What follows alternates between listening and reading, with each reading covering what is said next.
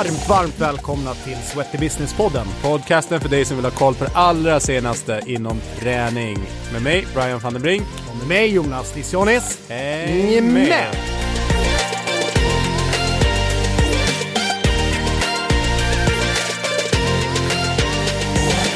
Alla lyssnare hjärtligt välkomna tillbaks till Sweaty Business-podden. Idag så har vi den stora äran att ha med oss eh, centralfigurerna hos eh, ja, utrustningsleverantören Gymleko. Och med oss har vi Kari Järnvall som är grundare och produktutvecklare hos eh, Gymleko och vi har Monica Sotkasira som är VD för eh, Gymleko Sverige. Välkomna!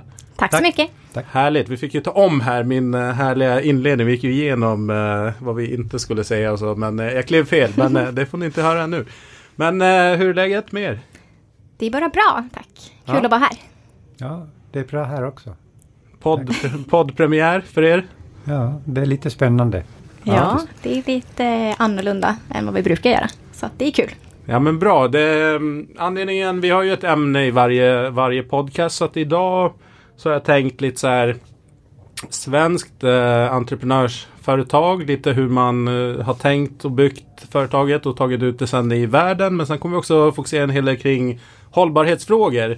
Som är inte bara på tapeten i träningsbranschen. Kanske inte så mycket i träningsbranschen ännu. Men i, i många andra branscher så är det ju väldigt uppe på tapeten. Så det ska bli otroligt kul att diskutera hur ni tänker kring de frågorna.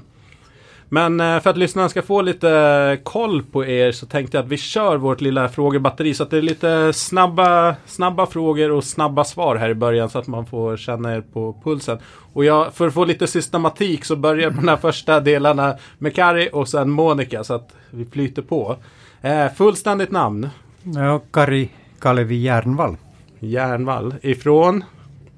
Ja, från Finland från början. Ja. Men eh, nu här vid eh, Stockholms län, Södertälje. Yes. Och eh, Monica. Ja, Monica Cecilia Sotkasira. Härligt. Vad är bakgrund inom träningsbranschen? Hur, eh, ni verkar ju inom den men vad, hur ser er egna bakgrund ut eh, i den här världen?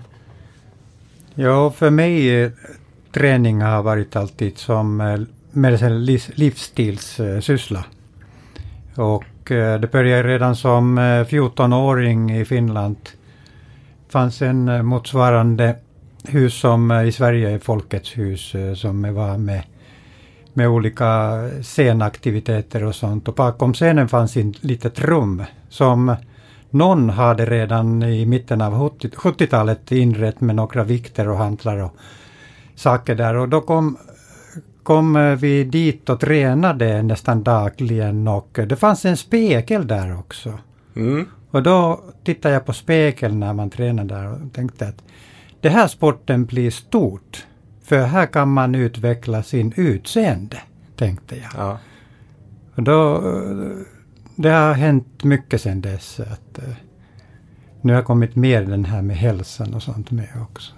Det kanske inte var det som var i fokus allra första början. Men vi, kom, Nej, det var, det var mer som sport. ja, vi dyker in i det för att jag antar att det är det som blir sen egentligen grogrunden till det som faktiskt blir eh, bolaget idag då och framåt. Och Monica, hur ser din eh, träningsbranschresa ut?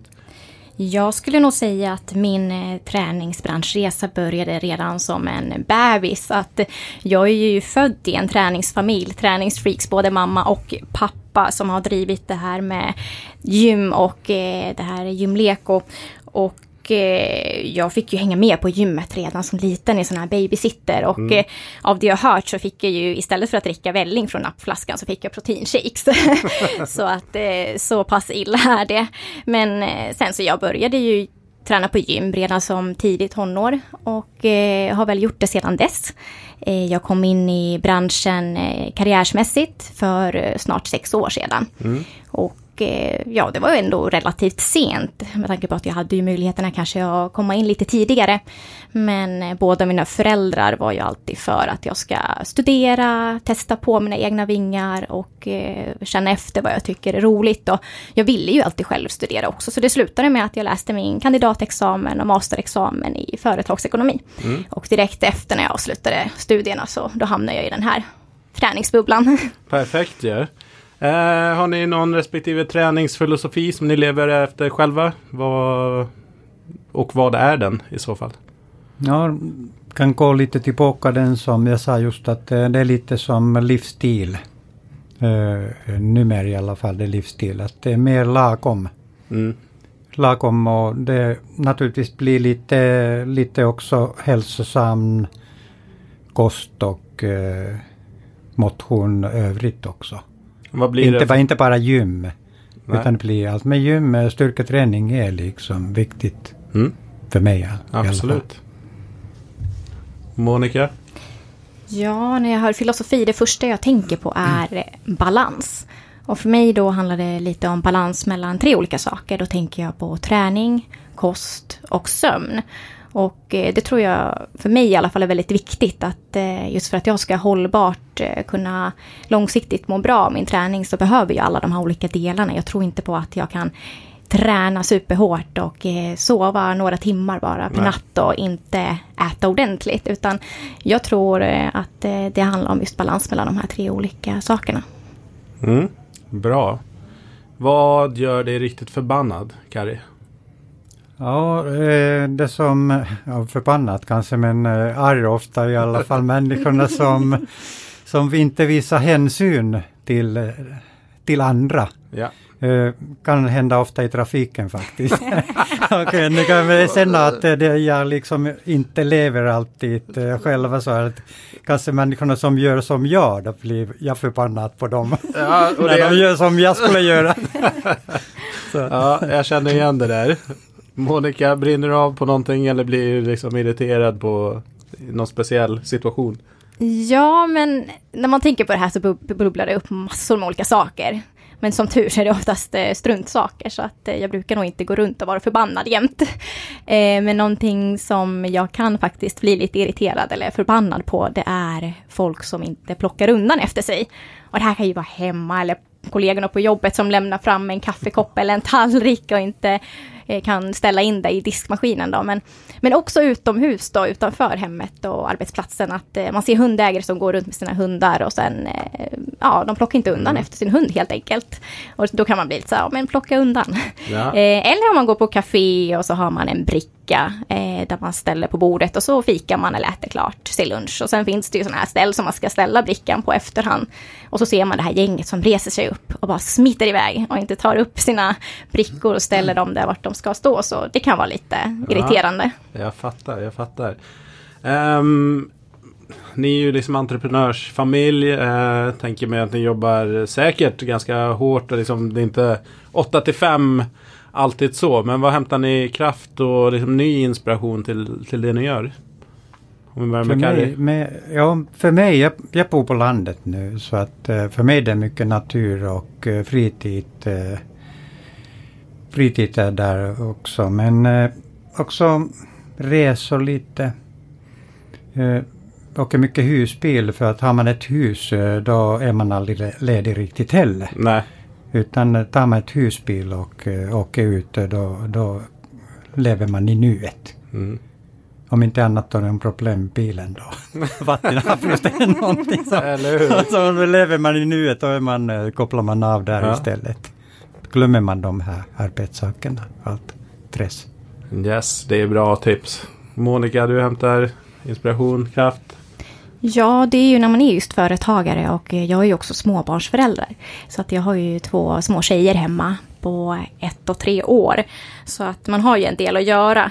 Så att eh, då hämtar man ju kraft och inspirationen från återhämtning helt enkelt. Och då försöker jag alltid hitta återhämtningen i de små sakerna. För att man har inte alltid tid att ta sig iväg och, eller ta en hel dag, gå på spa och sånt där som man kan tycka att kanske kan eh, hjälpa till och återhämta sig. Men, så jag brukar bara försöka ta lite mindre arbetstimmar, ta kanske lite längre dusch, kanske satsa lite mer på att få en bra träningsstund och eh, äta god mat. Eh, umgås med familj, nära och kära helt enkelt. Yes. Och sen har vi vår sista fråga här. Ni får varsin 10 miljoner in på kontot. Vad gör ni med dem? Ja, att göra kan- kanske di- direkt ingenting eh, men att eh, jag har en gammal dröm att bygga ett eh, miljöanpassat hus som skulle vara helt eh, nybar energi, kanske utan eh, koppling till elnätet. Ah, okej. Så jag har mina idéer där som jag vill eh, Förverkliga. Ja, för, Mm. ja, ja, någon gång i framtiden. Kanske nu är det mest att um, tid skulle man behöva också. Att, om du hade tid också, ge inte bara 10 miljoner, jag vill ha lite tid också. Ja, den är svårare. Det, det, det, det kostar mer. det är lättare att fixa pengarna tror jag än, än mer tid Ja, tyvärr. det, det, det är bristvaran. Vad skulle du göra Monica? Ja, jag kanske är lite tråkigare i mitt svar, men jag, skulle nog dela lite olika. Eh, jag skulle nog dela en del, skulle jag nog investera i företaget. Och en del skulle jag nog kanske spara till familjen och barnen. Men sen skulle jag faktiskt ta en eh, del av pengarna också. Nu vet jag inte hur stor del, men någonting skulle jag göra med mina nära och kära. Om det är att gå ut och äta och göra någon aktivitet eller att resa. Det återstår att fundera på. Det blir en ganska bra middag. ja. ja, men Eh, exakt. Du, du märker, hon, hon är väl uppfostrad. Ja, verkligen.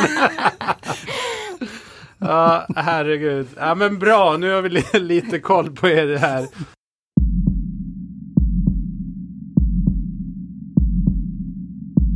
Vi är här eh, för att prata träning och business och i en, i en kombination. Det är ju hela grejen med Sweater Business. Eh, Men Kari, kan du berätta eh, bakgrunden till Gymleko? Hur, hur blev det till? Ja, det här med Gymleko, Gymleko är eh, alltså produktion med egen, egen styrketräningsutrustning. Så eh, det här började egentligen idéerna från början av 80-talet när, när jag startade med min kompis ett eh, gym i Lahtis i Finland. I början av 82 började vi. Det fanns inte så mycket maskiner och redskap på marknaden och Nej. vi fick tillverka mycket utrustning själva.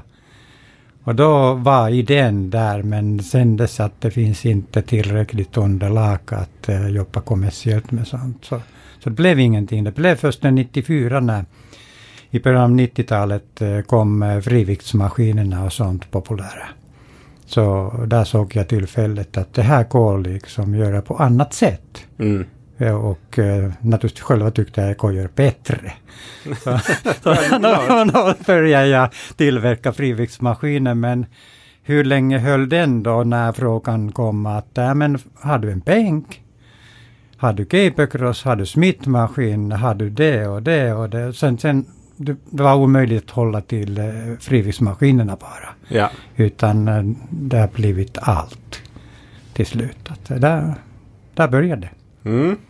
Coolt. Vad, Monica, du är ju VD för eh, verksamheten där i Sverige. Då. Vad, finns det någon sån här, du har varit med också på större delen av den här resan antar jag, eller kanske till och med hela. Jag har väl varit eh, med under hela resan men kanske inte förstått hela resan. Även fast man har ju förstått att man har en hårt arbetande pappa då som har verkligen eh, byggt upp det här från grunden och utvecklat alla produkter. Men jag har varit med i alla fall nu sex år på heltid. I liksom den här eh, vägen fram, finns det något så här, för att det är alltid intressant att se bakom alla framgångar så finns det ju utmaningar och liksom motgångar som varit på vägen. Finns det någon, någon sån där story som ni nu i efterhand kan, kan se på Eh, alltså att det var en lärdom då, kanske inte så roligt men, eh, men, men som ändå som ni kan dela med er till andra som inspireras. Ja, men definitivt. Det finns ju, alltså utmaningen är ju såklart bara enbart att driva ett företag. Alla som gör det vet ju vad man pratar om. Det finns ju många olika saker att ha koll på. Men eh, just eh, om man tänker på oss, Jumleko, som vi är i den fas idag, att vi är i en tillväxtfas, så är det ju en utmaning just att eh, sprida en positiv anda och eh, meningsfullhet. Och då tänker jag främst kring alla olika delar, inte bara till sina kunder, utan även leverantörer och eh, anställda och medkollegor. Så att man ska alltid försöka få, eh, vi jobbar ju med en produkt som är väldigt positiv. Och branschen är ju positiv och att eh, få folk att känna en stolthet över att jobba både tillsammans och med oss. Och det, det tycker jag är en utmaning idag som vi har.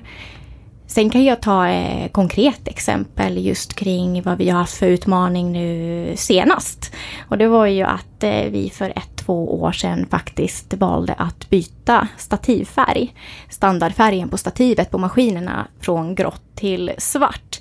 Och det här är ju ingenting som har hänt första gången i Jumlekos historia utan det gick från, eh, i början av 90-talet från vitt till blått och blått till sen grått. Och eh, det, nu har vi ju en tillväxtfas och då känner man ju att man har ju ganska stor lagerhållning. Man har många återförsäljare, man har en del eh, orderstock också som ligger klar för Eh, leverans. Och då i samband med byte av stativfärg så kom ju även många utmaningar bara där. Att eh, det, det var väldigt krävande just med planering och få ihop det. Och eh, om man ska ta konkret så kanske man har en order eh, för, till en kund. Man kan ju inte kanske blanda två olika stativfärger utan då får man ju se till att leverera en färg och då får man kanske antingen tillverka maskiner enstaka för att få det levererat eller så får man montera ner och lackera om. Och mm. Där finns det ju mycket process just att montera ner, ta bort loggor, ta bort plastdetaljer, skicka till lackering, ta tillbaka, montera upp och mm. sen eh, testa och få iväg. Så att det, det har varit en utmaning men eh, vi har nästintill blivit av med alla grå lackerade maskiner och redskap i lagret. Så att ja. Snart är den utmaningen över. men är det liksom byte färger, är det liksom trender eller att ni, hur, hur tas ett sånt, sånt beslut? Att man känner att nej, men nu är det dags att göra någonting nytt eller? Ja, det, det, kommer, det kommer från marknaden internationellt, eh, de här trenderna, trenderna eller den här gå, gå åt uh, mörkare färger, gått, uh, grafit, uh, grå eller svart har blivit uh, mycket populärt. Efterfrågat från kunderna helt mm. enkelt. Kari, jag skulle vilja grotta lite i innovationsprocessen. Eh, som sagt, 82 det finns inte grejer på marknaden som man får skapa dem själva. Idag finns det ju väldigt mycket, mycket saker men det skapas ju också. Hur, ser, hur kan en typisk eh, process från en idé till en färdig produkt se ut i, i, ditt, i, ja, i ditt skapande helt enkelt? Ja men det, det är så att eh, eh det här med styrketräning den utvecklas eh, Eh, med olika metoder men också redskapen eh, kommer nya till olika övningar och eh, det är oftast de nya produkterna, även från 90-talet, det kom från kunderna. Mm. De, som, som jag nämnde att de, de ville ha Penk och de ville ha GP-cross. Så, så de, då var man tvungen att göra dem. Men nu kommer kanske produkter ofta även, finns inte riktigt på marknaden. Eller de vill ha den, eh, kanske de har idéer att göra en lite bättre sätt eller annat sätt. Just det. Så äh, inte så sällan äh, den här nya produkten äh, är redan beställd från en kund innan den börjar ritas. Okej. Okay. Och det har hänt några gånger också att kunderna har även betalt innan, innan det börjat att de verkligen velat ha den. Så att, eh, och det har fungerat. Det blir väldigt stressigt om kunden har betalt redan, då, då är det ingen rolig situation, för då måste man agera snabbt. så man vill ha lite mer tid. Eh, eh, en produkt kan komma snabbt, men det, det är en lång process innan ofta. Hur lång tid? Fundera olika alternativ hur man gör bäst. Mm. Vad tror du från idé till färdig produkt i tidsmässigt ungefär? Det är allt från en, en vecka till eh, eh, kan, vissa produkter kan vara länge. Vi har haft produkter som, som produktsortimentet. Vi har kanske en lista på tio produkter som vi ville ta fram. Just det. Lite hemlig lista faktiskt. Men, men, eh, men, men, men då, man hinner inte ta alla utan man, man plockar därifrån och sen kommer kunderna kanske ett förslag som, som ingår inte till den här listan utan den tar man då. Mm. Eller marknaden utvecklas på något visst sätt eh, som man måste ha. Men kan man, märker ni någonting att, att det, trenderna reser snabbare nu? Att det kommer mer efterfrågan och man märker liksom att okej, okay, något trendar någon, någonstans i världen och, och färdas via liksom sociala medier och liknande. Att efterfrågan kommer mer nu och oftare på nya typer av produkter? Är det ungefär samma som tidigare? Ja, men det, det är jättesvårt. Det, det är också våra lagerhållningar. Man kan säga att eh, någon, någon produkt eh, rör sig mycket. Att säga, den säljer mycket. Mm. Och sen eh, förbereder man att eh, svara på efterfrågan och sånt. Alltså plötsligt eh, rör inte den produkten. Så man, man, eh, man vet inte var, var den kommer. Kommer den från någon mediaartiklar eller någon, någon skrivelse, var kommer den från? Nu är det för sig varit mycket att man tränar större muskelgrupper, rumpa och sånt där. Mm. Och där, där man ser att det är mycket utseende eh, knutet också, träningen. Det är mer att man tränar för utseendet än bara att må bra.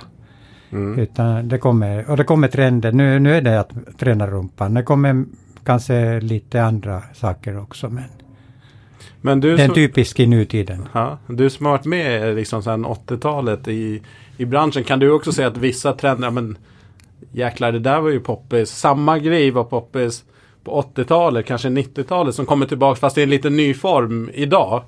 Eh, att man lite, det är lite cykler Ja, på, ja, på trenderna. Ja, för mig är det, är det så att eh, när jag börjar eh, när jag kom från det här lilla, lilla rummet från Folkets hus, jag var 14 då, så kom jag, kom jag till eh, idrottshuset på atletklubben. För där, där var inte lämpligt träna när man var under 15.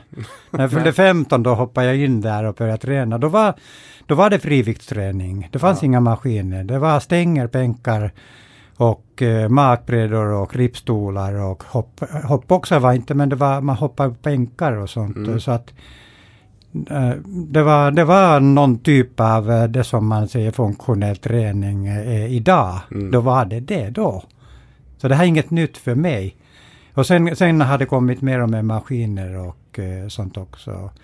Och sen vad jag ser nu, nu är det, det här är allmän hälsofråga den här styrketräning och träning allmänt. Mm. Och eh, jag ser att eh, det blir mer och mer styrketräning nu också igen.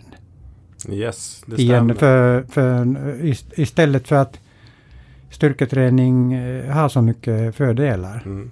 tycker jag. Vi hade Rory McGowan med från eh, Gymmetrics som gör mycket studier på hur maskiner eller utrustning används på gym. Och han hade just den spaningen att han ser tydligt att cardio går ner. Um, framförallt löpband och till förmån för friviktsytor och, och liknande. Så det jackar ju i det du den spaningen som du har. Ja, nej, jag tror att det finns eh, många olika saker som det beror på. Ja. Vi kan prata Har- lite mer om det sen. Intressant. Är det en cliffhanger eller ska vi ta den? Ja, vi tar en cliffhanger det- nu, så att vi tar det lite senare kanske. right. ja. Du har Ja, säkert kan- massor att fråga.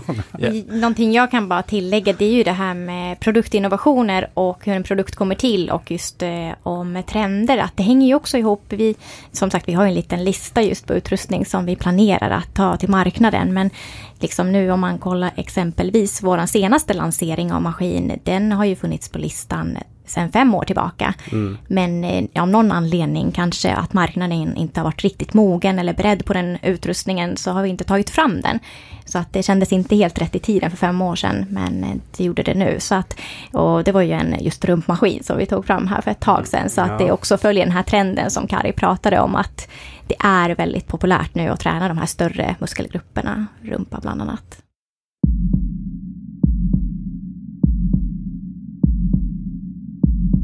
Jag vet att ni brinner för hållbarhetsfrågor. Det passar jättebra för det är ett ämne som jag velat haft med i podden men inte riktigt vet hur man ska, ska attackera ni, eh, själva ämnet. Hur, ehm, hur tänker ni på gymleko kring eh, Egentligen först, vad är hållbarhet för i, i er värld? För många pratar hållbarhet och det finns så många olika vinklar på det. Men vad, vad tänker ni när, ni när ni pratar i termer av hållbarhet? Ja, om man går in på hur vi på Gymleko pratar om hållbarhet så allting vi gör utgår ju från våran vision som eh, kretsar kring hållbarhet. Eh, vår vision är ju mot eh, en hållbar och hälsosammare framtid. Och eftersom vi har en eh, egen produktion så kontrollerar vi ägen, även eh, driften av verksamheten till fullo. Så att hållbarheten följer ju oss på alla olika delar av verksamheten. Allt från kontor, hur vi jobbar där med pappershantering, digitalisering, hur vi tänker när vi köper fruktkorgar till lagret, hur vi där eh, packar varor, till produktionen, hur vi väljer Eh, strategiskt att eh, utforma produktionen och eh, jobba för att det ska vara hållbart. Mm. Jag kan tänka mig ibland just om man tänker produktion så kanske inte alltid är superenkelt att kombinera de ekonomiska, ekonomiskt bästa lösningarna med liksom det mest hållbara och miljömedvetna. Eller ja, nu är det bara spekulation från min sida. Tycker ni att det är en utmaning att få ihop det eller kan det funka ganska bra? Ja, jag kan svara på det. Jag, jag som håller med produktutveckling och eh, tar hand om också produktionen mycket och inköp. Så i, det, här, det här är många delar. Om man ser en produkt eh, hållbarhet eh, så där kan man nästan säga att storlek har betydelse. Mm. Så det ska inte vara för stort. Om, om produkterna är för stora då förstår man att eh, det är inte är lika hållbart. Om det är onödigt stort. Ja. Och det passar bra, nu tänkte man inte kanske just eh, från hållbarhetssynvinkel från mitten av 90-talet, eh, de här sakerna, utan det var mer att eh, spara kundens eh, golvyta. Mm. Men det kommer, kommer även den golvytan i dagens läge gäller hållbarhet, att förvalta golvytorna lokalerna rätt. Eh, stora hela. Sen gäller allt från materialåtgång, eh, frakter och allt också. Mm. Så att det, det är naturligtvis det mycket med hållbarhet. Sen är materialval också mycket. Eh, Vi är lite sända, kunderna gillar det att eh, vi använder väldigt eh, sparsamt plastdetaljer. Just det. Man kan inte undvika den helt, men det är inga la- plastkåpor använder vi inte, utan det är metall. Mm. Och metall, metall är för sig ganska hållbart fortfarande kan man tänka. Men märker ni att, eh, Monica om jag frågar dig, märker ni att kunderna ställer mer frågor och har lite mer ehm, tankar? Jag upplever kanske som att de här frågorna är lite faktiskt fortfarande i sin, sin linda men att det accelererar, att man börjar bli, okej vad är det för mattor jag ligger på, vad är det för dyner och märker ni liksom att kunderna har en, en liksom mer medvetenhet och, och frågor kring de här grejerna? Ja, en del, men man önskar ju att det skulle vara ännu mer. Mm. Men däremot så märker jag att eh, det här är ju definitivt eh, argument som man kan ta med sig eh, när man pratar med kunderna. Eh, att eh, man kan kommunicera ut om de här sakerna lite mer tydligare kanske än eh, vad som har gjorts tidigare. Och jag tror att kunderna också idag visar mer intresse för det eh, än kanske förr i tiden. Ja men eh, hur, ehm, hur ser liksom era mål ut på, på hållbarhetsfronten? Var, vart är ni på väg om man säger 5-10 års sikt? Vi har naturligtvis eh, vision att eh, nästa gång eh, vi flyttar verksamhet att vi skulle ha lite mer hållbar eh, produktionslokaler och allting med kanske förnyelsebar el och sånt. Vad tror ni att de här, ehm, vad ser trenderna ut inom liksom just hållbarhetsområdet i, i branschen? Vad tror ni kommer hända? Kommer det ta mer plats och bli som en, en, en viktig faktor för, för att kunna vara konkurrenskraftig på, på en marknad? Vi tror att betydelsen av eh, hållbart arbete hos företag oavsett bransch kommer att öka. Eh, det ser vi ju också i media och eh, diskussioner som finns. Och vi var ju på en föreläsning här för några veckor sedan och där var ju en person, Anna Riot, med. Och hon är ju styrelseexpert och väldigt insatt i hållbarhetsfrågor. Och bara där ett exempel att hon tog upp att idag unga arbetssökande så är det över 93 procent av alla enligt den undersökningen eh, värdesätter i topp tre hållbart arbete hos sin framtida arbetsgivare.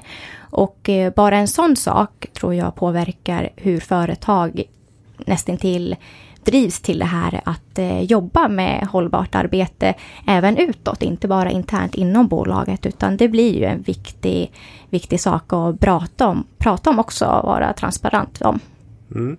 Ja, men jag är helt enig. Jag, men jag jobbade på inom Sats, det är ju ett gäng år sedan. Men då, jag tänkte redan då på liksom, vad är det, 2008 till 2015 ungefär att de frågorna kommer inte upp så mycket från, från kunderna, alltså medlemmarna så mycket. Det kanske är för att träning i sig är liksom en hållbar sak och liksom en positiv sak som man tar så mycket fokus. Men jag, jag tror precis som, som dig att det här kommer nog ha eh, bäring mer framåt. Att man blir mer medveten kring, kring allting egentligen som har med de här frågorna att göra.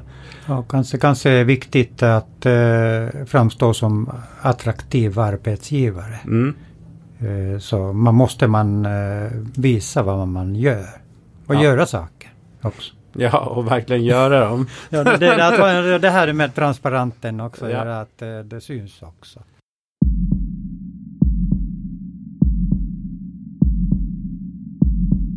Men du Kari, vad, vad tror du? Framtidens träningscenter, det är ett stort, eh, stort grepp att ta. Det finns massa olika typer. Men har du några tankar och idéer om hur, eh, hur ett gym liksom kommer utvecklas? Ett typiskt gym? Jag personligen tror jag att eh, gymmen kommer närmare människan. Det Mm. kommer till arbetsplatserna. Det kommer närmare boendet och det kommer in i boendet. Så det, det är också, också lite det här dagens eh, tidsbrist som gör den, all- allt ska vara enkelt och men det är också det att eh, träningen håller på och, hälsosamt le, levande kommer att bli mer livsstil. Mm. Och det kan inte vara alltid eh, på distans utan det måste vara integrerat i det här hela, hela hur man lever alltså. Eh, Då kan det kan bli mer hållbart också så sätt att eh, man har, man har man träningen på jobbet eller har man den när, närmare hemmet eller hemma så slipper man alla resor för träning. Mm. Så det är, det är superbra om man tänker sån där hållbarhet eh, för den också. Sen, Absolut. sen, sen tror jag att det kommer mycket mer styrketräning just som där cliffhanger här så att eh, jag tror att det har varit mycket fokus på cardio för att jag tror att eh, folk har uppfattat styrketräning att den är svårt. Mm. När man tycker att det är svårt, då tycker man att det är tråkigt. Ofta man har provat den och eh, kanske fått eh, bara känna att eh, man har ingen kontroll på den utan det är någon annan som säger gör si och så och det är inget roligt så. Men att köra cardio, det kan vem som helst kan gå på löpband. Mm. Och där kan man studera och komma in på gymmiljön. Nu när eh, folk mer och mer har kunskap om träning och gym och styrketräning så hittar de egen projekt där på styrketräning. Mm. Och de lär sig att motivera sig. Det är just det här också framtidens utmaning att hur man skulle motivera folk. Det är inte kanske hur vi ska motivera folk utan vi skulle kanske lära folk att motivera sig själva. Mm. Så att eh, folk verkligen kommer in på det här som Absolut. livsstil. Ja, det är där, där liksom ser lite framtid. Mm, nej, men jag kan uppleva tydligt också att, eh, att tjejer tar för sig på ett helt annat sätt i frivikts, det, alltså i styrketräning generellt. Att det har hänt någonting eh, väldigt stort skifte där. Att tidigare 90-tal och kanske där i krokarna väldigt kanske uppdelat. Tjejer inne på gruppträningen eller i cardioområdet och sen killarna i väldigt stor utsträckning på styrke, i styrkemaskiner och på friviktsytorna. Men att går man in på ett vanligt liksom, kommersiellt gym där så kan det ju nästan vara fler tjejer som är ute på funktionella ytan och kör ja, men ganska avancerad träning. Liksom. Är det någonting som ni, ni märker av också? Ja, men definitivt. Det tycker jag. Så att jag tror att det, kunskapen eh, ökar Mm. bland eh, både tjejer och killar och yngre och äldre. Så att eh, absolut. Cool. Hur, ehm, ni är ju liksom, eh, ni säljer produkter till runt om i världen och iväg på mässor. Vet jag vad arrangerar, alltså har egna montrar men också såklart ser saker. Ser ni, ehm, dels här, vi börjar med första. Ser ni några intressanta, har ni några spaningar på saker som ni, som ni tror kommer komma, som vi kommer få se mer av här i, i Sverige? Jag tror att vi fortsätter den här banan som, som vi har med styrketräning och sånt där. Ja. Sen, sen det skiljer lite internationellt och eh, Sverige mellan olika länder också. Ja, men finns det någon, eh, någon konkret så här produkt? Okej, i- jag vet inte. I ett visst område så är det extremt populärt med, med det här liksom. Vi säljer tonvis utav, utav det. Ja, det, det, det är så här att i Sverige säljer vi naturligtvis de här nya produkterna och eh, trendprodukterna till viss typ av träning. De, de är alltid eh, hetare. Mm. Sen är mycket mycket sån där basic, eh, man ska ha all, alltid eh, lite fyrstation och capercrosser och smittar och bänkar och hantlar och sånt på varje anläggning. En liten paus. Men, eh, men om man tänker skillnad mellan Sverige och de här andra länder. Det vissa länder, eftersom vi är ganska nya internationellt, eh, så, så ofta vi har blivit eh, attraktiva till någon återförsäljare i en annan land för att vi har produkter som eh, de hittar inte hos sina leverantörer. Ja. Så vi är lite framkanten här på de här nya produkter som är trendiga och efterfrågade. Och sen, eh, sen sådana länder som vi har återförsäljare i till exempel Kuwait och uh, Arabemiraten, Dubai och där så där tränar bara killarna typ. Ah, och då okej. blir det en annan typ uh, träning och produkter som går åt där. Mm. I stort sett. Uh, Så de har en helt annan marknad. Såklart. Så att, eh, och sen, sen i USA också, också en stort marknad. Kanske USA-marknaden kan likna mer den svenska marknaden. Men vi, vi är inte så länge har vi inte varit där. Där är också lite att de gillar oss på viss, viss produktsortiment också. Mm. Vad händer med Gymleko här nu? De, eh, var är ni om tre år? Var, var tittar man er och vad är liksom era tankar? Ja, vi har ju gjort nu senaste två åren en satsning på att eh, vara med på FIBO i Tyskland. Och det är ju eh, den största, eh, i alla fall europeiska mässan för eh, träningsutrustning. Och där har vi haft som mål att hitta olika nya återförsäljare runt omkring i världen. Och det har vi ju även fått. Och eh, målet då för framtiden är ju såklart att vi ska fortsätta med den investeringen och finnas där. Och eh, förhoppningsvis kan vi då hitta nya marknader som vi kan eh, komma in på. Mm. Spännande, håll utkik.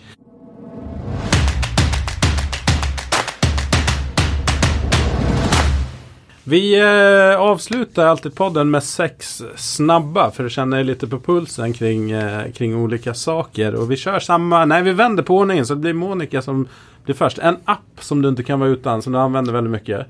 Instagram skulle jag säga. Och Kari, jag tror inte att det Eh, jag, är jag, Instagram. jag är gammal gubbe, jag, är- jag är ganska dålig på appar. Värdeappen har jag bäst. Den är bra. Den är bra. Ehm, en podd eller en eh, bra bok som uh, kan tipsa om? Ja, utöver eh, den här podden då så tycker Såklart. jag att, ja men såklart. Eh, framgångspodden tycker jag, den har bra bredd. Så jag tror att alla kan hitta någonting som de gillar. Absolut. Han är duktig, Alex. Ja, jag har inte läst, jag har försökt läsa böcker ibland, eh, kommit halvvägs mest. Eh, sen, eh, sen tonåren har jag inte kunnat läsa böcker, jag vet inte, koncentrationssvårigheter. Eh, Mest jag bara bläddrat text-tv på Ja. morgonen, men att eh, podden har jag, jag har aldrig lyssnat någon podd. Det här blir nog den första nu Ja. som jag ska lyssna. Det Och sen det börjar jag, där börjar jag. ja men det är en bra sak. Ljudböcker är annars ett bra tips om man har svårt att komma ner i koncentration. För det kan jag också Mm. uppleva att eh, böcker kräver rätt mycket eh, fokus. Eh, sådär. Så att eh, ljudböcker är ju supersmidigt på det sättet. Mm. Ehm, ett projekt som har blivit lyckat. Eh, som du är stolt över? Ja, vi hade ju förra sommaren, eh, eller nu i somras, 25-årsfest för Gymleko. Och eh, där så bjöd vi in branschkollegor, kunder och leverantörer som eh, tack för allt stöd för den här, under den här resans gång som vi har haft. Och det är ett projekt jag är faktiskt stolt över. Det var ju mycket planering där med min kollega Linda och eh, det lyckades. Det blev bra till slut. Jag vet dock inte om jag vågar planera in ett bröllop efter det. så vi får se. Och Kari, är det Gymleko som är ditt projekt? Eller har du Det något kan, annat? det kan man säga, det här Ja. med varumärket och alla produkterna. Så att eh, det är jag stolt, stolt över. Det ska ni vara. Det har ju blivit eh, Ja. fantastiskt bra. Det känns som Mm. att det är, en, eh, det är en resa som kommer fortsätta framåt. Eh, någon sån här projekt eller något som har misslyckats eller kanske bara en lärdom eh, längs med vägen som ni vill dela med er av? Jag kan inte komma på någon specifik eh, projekt som har misslyckats riktigt, men jag känner att man känner väl av misslyckanden konstant. Eh, mer eller mindre. Det kan vara någonting man bara säger fel eller någonting som händer där man tänker så här, oj, där hade jag kunnat agera annorlunda. Och det har jag väl verkligen tagit lärdom att eh, jag ska försöka reflektera och verkligen se på mig själv uppifrån så att jag Mm. kan verkligen tänka, ja men nästa gång kan jag göra bättre. Yes. Ja, det, det är väl så att det är miss, misslyckanden, det händer dagligen någon, något plan. Men, men eh, om man tänker i det här just med gymlek och produkter och sånt, en gång eh, fick jag för mig, det tror jag nästan 20 år sedan, att jag skulle utveckla en rullande klätterväg. Aha. Jag söp, söpte klättergreppen och allting och jag hade massa detaljer färdiga och allting men det liksom aldrig sändes riktigt eh, rätt att göra produkten färdigt. eh, så, så jag fick se de här klättergreppen på firman i lådan flera år efter också. Påminnas av den där. Sen har vi faktiskt en, en till eh, stretchställ som jag har utvecklat som jag ändå tycker är väldigt bra. Men stretching har aldrig blivit eh, något mer än sjukvård. Nej, Att vi hoppas att den blir någon gång något mer än sjukvård. Också. Så kan vi plocka fram den här produkten. finns ju en kedja nu som kommer, Stretch Lab, som håller på just bara med att stretcha kunderna manuellt och i maskiner. Så att eh, du är på någonting där. Det Ja. kanske var för tidigt med klätterväggen också med tanke på hur populärt det börjar bli nu också. Ehm, en person som eh, ni ser upp till eller har haft som förebild? Jag tycker att det är jättesvårt att välja bara en person. Jag är en sån här person som eh, ser verkligen förebilder i alla. Jag Mm. brukar titta på en person och se en egenskap som jag verkligen ser upp till. Så att eh, det är väl så jag fungerar. Sen så har jag väldigt lätt att fastna för just företagsledare som har lyckats med sin resa eller byggt någonting lite annorlunda eller fint. Så att eh, där har jag några exempel som Richard Branson som har eh, grundat då Virgin Group och sen eh, Kamprad såklart med Ikea, en klassiker. Mm.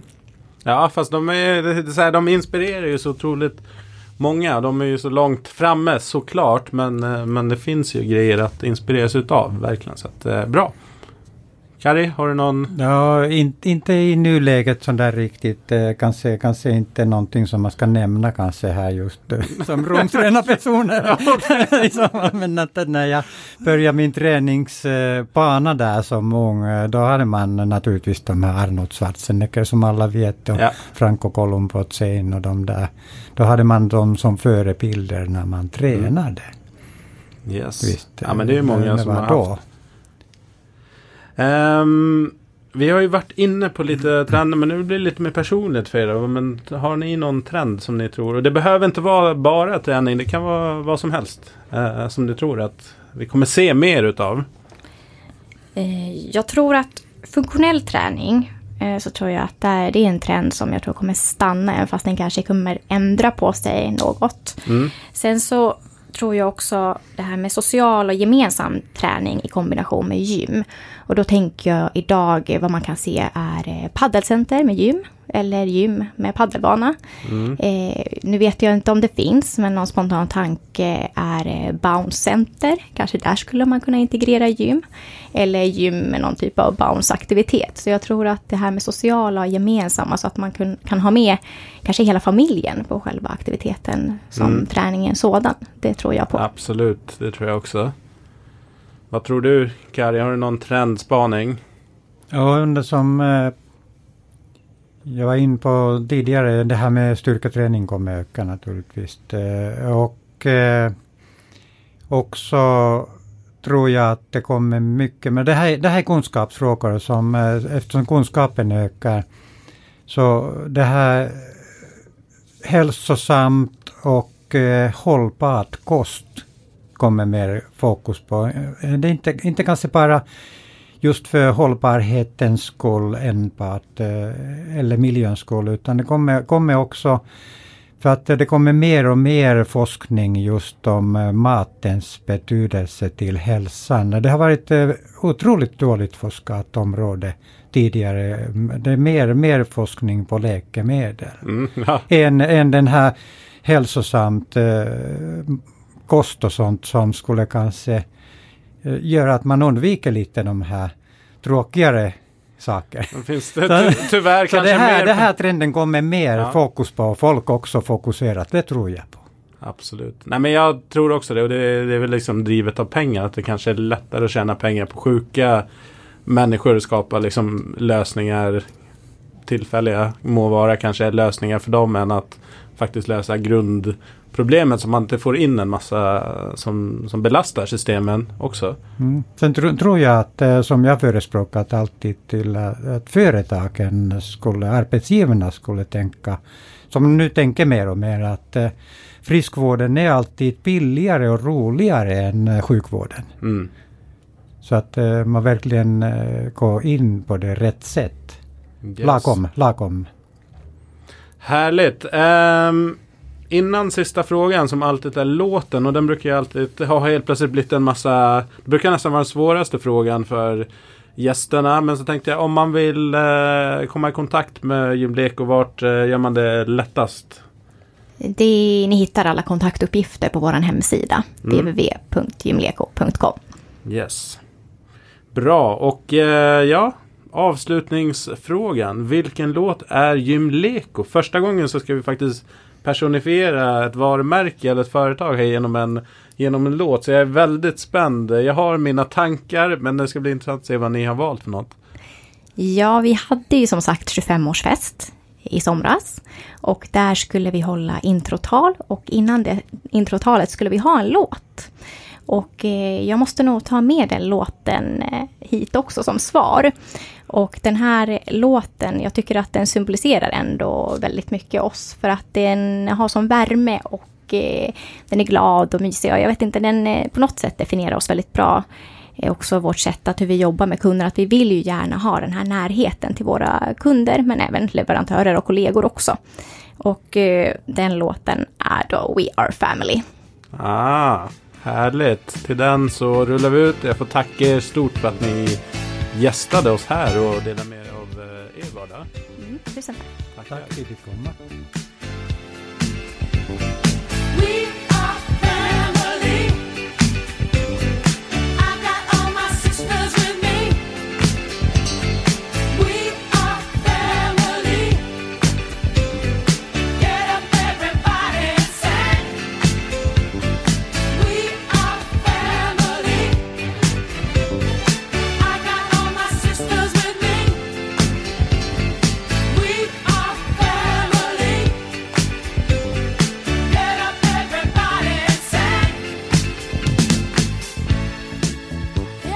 Stort tack för att du lyssnar på podden. Häng med i vardagen. Där får du dagliga uppdateringar på Facebook, Instagram och LinkedIn. Sweaty Business eller Sweaty Business Media.